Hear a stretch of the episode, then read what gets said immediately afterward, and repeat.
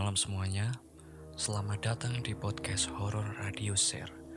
Masih bersama saya Arif yang akan selalu menemani malam kalian dengan cerita-cerita horor kisah nyata tentunya.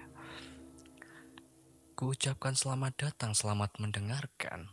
Bagi kalian yang emang baru follow atau baru bergabung, semoga kalian tidak bosan dengan suara yang emang agak nyeleneh ini. Ku kasih informasi sekali lagi karena emang setiap episode harus ku kasih informasi ini gitu. Uh, radio share ini tersedia di dua platform, di YouTube dan di Spotify tentunya. Jadi bagi kalian yang emang pengguna YouTube atau lebih sering buka YouTube dibanding Spotify, tenang-tenang radio share ada kok di YouTube. Nanti ku bakal taruh linknya di deskripsi. Oke, cerita di episode kali ini adalah cerita dari Bang Jeffrey. Jadi ucapkan terima kasih untuk Bang Jeffrey karena telah mengirim ceritanya ke Radio Share.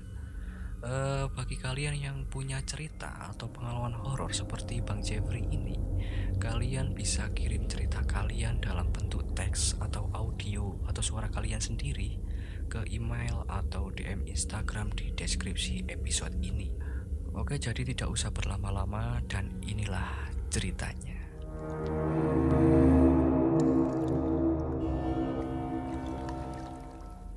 Aku adalah salah satu pemilik konter handphone di salah satu wilayah di daerah Yogyakarta.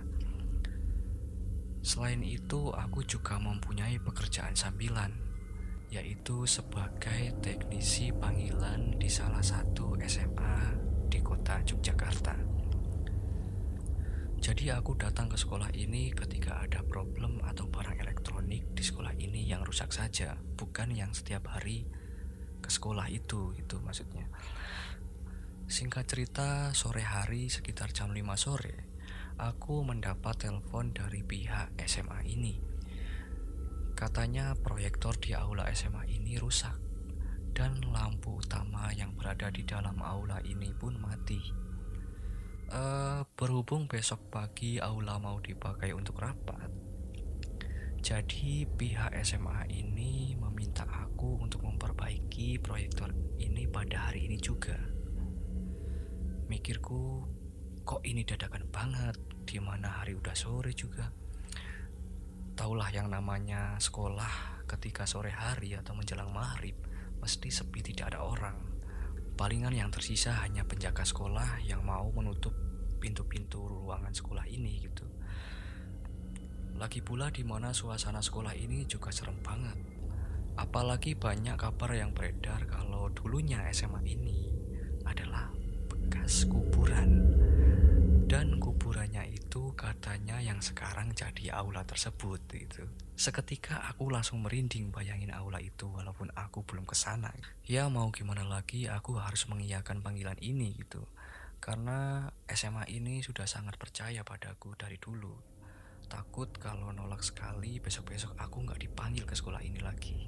Uh, setelah menyiapkan alat-alat yang harus dibawa dan lampu ganti untuk aula tersebut, aku pun langsung pergi ke sekolah ini. Ketika aku sampai di gerbang sekolah ini, aku pun kayak langsung merinding. Uh, pada saat itu kebetulan di depan gerbang sekolah ini ada penjaga sekolah yang sedang duduk sambil merokok pada saat itu. Setelah bertegur sapa dan sedikit mengobrol dengan bapak penjaga sekolah ini, akhirnya aku berniat mengajak pak penjaga sekolah ini untuk menemani masuk ke sekolah ini. Karena emang serem kalau harus sendiri. Dan ketika aku ajak ternyata bapak ini mau. Tapi bapak itu Mas, tapi saya hanya bisa nemenin sampai jam setengah tujuh ya. Soalnya jam tujuh saya ada undangan hajatan. Dan ku iakan kata bapak ini karena mikirku palingan menerin proyektor dan ganti lampu gak butuh waktu lama. Dan akhirnya aku dan pak penjaga sekolah ini pun masuk. Suasana yang tadinya seram pun jadi agak berkurang karena aku dan Pak Penjaga sekolah ini sambil mengobrol dan bercanda di kala itu. Oh ya, sebelum lanjut bercerita, aku kasih tahu dulu letak aula di sekolah ini. Uh, sekolah ini bentuknya memanjang dan jika kita berjalan dari gerbang untuk ke aula ini, kita melewati empat gedung yang saling membelakangi. Dan ketika kita lurus terus, maka kita akan sampai di aula ini.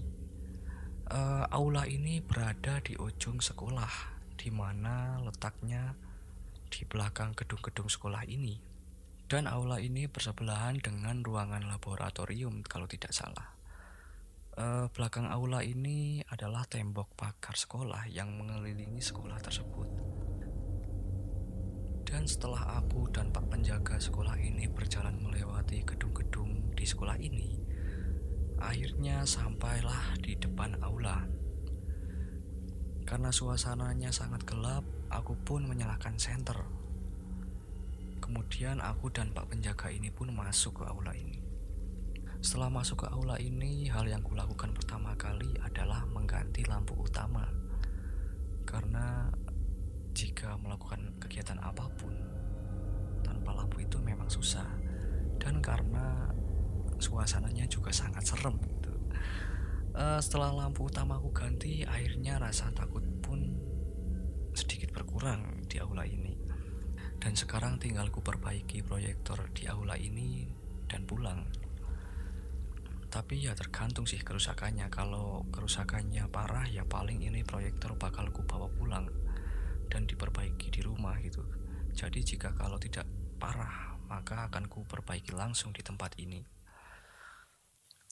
Dan pada saat ku mulai mengecek proyektor ini, lampu utama yang tadi ku ganti ini mati lagi. Aku pada saat itu masih mikir positif karena kemungkinan emang kabel yang menuju lampu ini bermasalah gitu. Dan akhirnya aku cek-cek lagi dan ternyata benar kabel yang menuju ke lampu ini putus. Setelah aku perbaiki dan akhirnya lampu ini pun nyala kembali. Pada saat itu tidak terasa jam menunjukkan pukul setengah tujuh.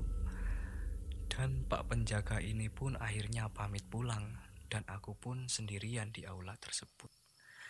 Ya mau gimana lagi pak penjaga ini memang tidak bisa aku suruh menunggu sampai selesai karena emang ada acara gitu. Dan akhirnya setelah Pak penjaga ini pulang, aku pun mencoba hidupin MP3 di HP ku agar mengurangi rasa takutku pada saat itu. Dan akhirnya setelah MP3 pun nyala, lagu-lagunya ku kencengin, akhirnya aku kembali mengecek proyektor ini lagi. Dan belum sampai ku mengecek proyektor ini, baru aku memegang proyektor ini. Kalian tahu apa yang terjadi? Lampu utama ini mati lagi. Karena agak kesel aku pun gak sengaja mengucapkan kata-kata kotor pada saat itu. Karena memang tidak ada penerangan sama sekali di aula ini, akhirnya aku pun jongkok dan meraba-raba mencari senter untuk mengecek kembali kabel menuju ke lampu ini gitu.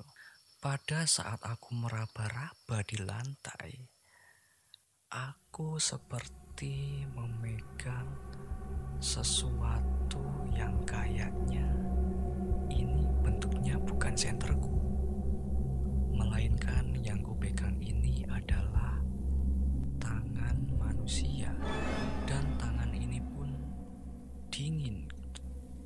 pun kaget pada saat itu dan langsung ku buru-buru mencari di mana HP ku.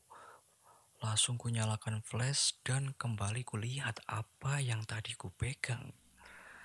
Dan ternyata di situ yang ku lihat bukanlah tangan, tapi yang ku lihat itu senter. Padahal jelas-jelas yang tadi ku pegang itu adalah tangan manusia dan di situ pikiranku udah gak karuan dan benar-benar gak karuan dan rasanya itu merinding benar-benar merinding pada saat itu. Uh, tidak lama kemudian aku dengar suara langkah kaki dan orang batuk. Tapi aku agak lega pada saat itu karena suara batuk ini adalah suara batuk pak penjaga sekolah tadi gitu Sambil menunggu Pak penjaga ini berjalan sampai ke aula, aku pun kembali manjat dan mengecek kabel menuju ke lampu ini. Belum aku membetulkan kabel ini, ada suara saklar lampu yang ditekan. Seolah-olah ada orang yang mau mencoba menghidupkan lampu di aula ini. Uh, aula gedung ini cukup besar, sekitar seperempat lapangan bola kalau tidak salah. Dan di dalam ruangan ini ketika ada bunyi sedikit saja, bakal sangat kedengaran. Apalagi kalau hanya suara saklar lampu yang ditekan gitu. Jadi sangat-sangat jelas. Uh, saklar aula ini berada di samping pintu utama. Jadi aku mikirnya, ah mungkin ini pak penjaga sekolah yang sedang menekan saklar gitu. Uh, sambil ku mencari-cari kabel yang rusak, sontak ku bilang pada pak penjaga sekolah ini. Bentar pak, tadi aliran listriknya aku matiin dulu, soalnya aku mau mengecek kabel-kabel ini dulu. Tapi tidak ada jawaban yang ku dengar. Mikirku, oke lah, paling enggak bapak ini sudah dengar aku ngomong gitu. Setelah aku cari-cari kabel yang menuju lampu di aula ini, ternyata tidak ada yang rusak. Mikirku mungkin ini yang rusak sambungan listrik yang dari laboratorium.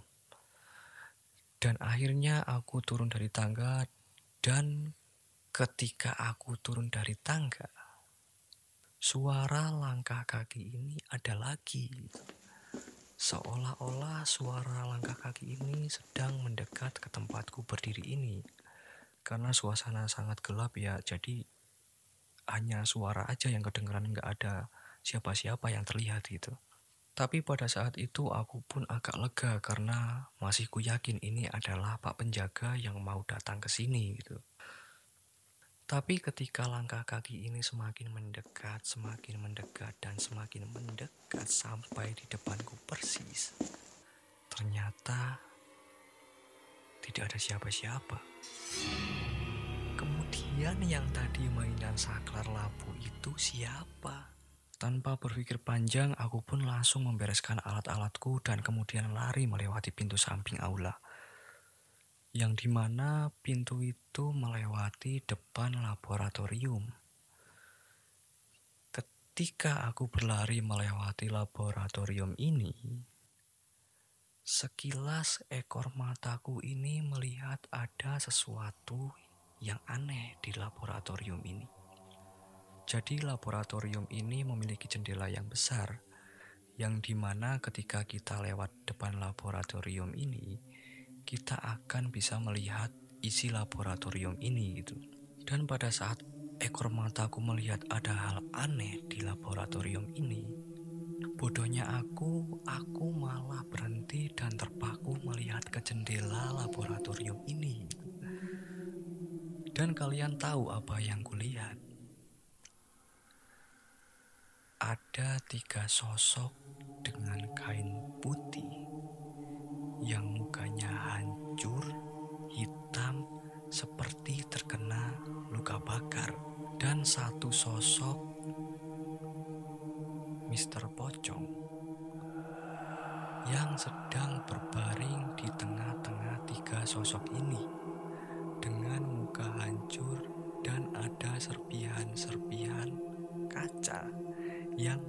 menempel di wajahnya itu ngeri banget sih. Seperti terkena ledakan tabung reaksi gitu. Dan nggak beberapa lama tiga sosok dan pocong ini kayak nengok ke arahku. Dan pada saat itu aku langsung ucap astagfirullahaladzim sekenceng-kencengnya. Dan kemudian aku berlari keluar sekolah ini dan langsung pulang.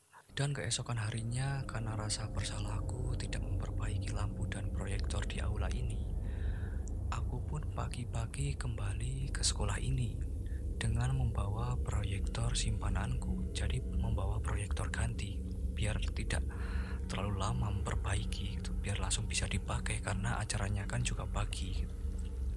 tapi ketika aku mengecek ke aula ini anehnya semuanya normal lampu yang semalam mati hidup sekarang hidup. Dan proyektor yang katanya rusak itu bisa digunakan. Di situ aku sedikit kaget, agak aneh emang. Dan bahkan setelah selesai acara pun, pihak sekolah bilang padaku, "Terima kasih ya, Mas.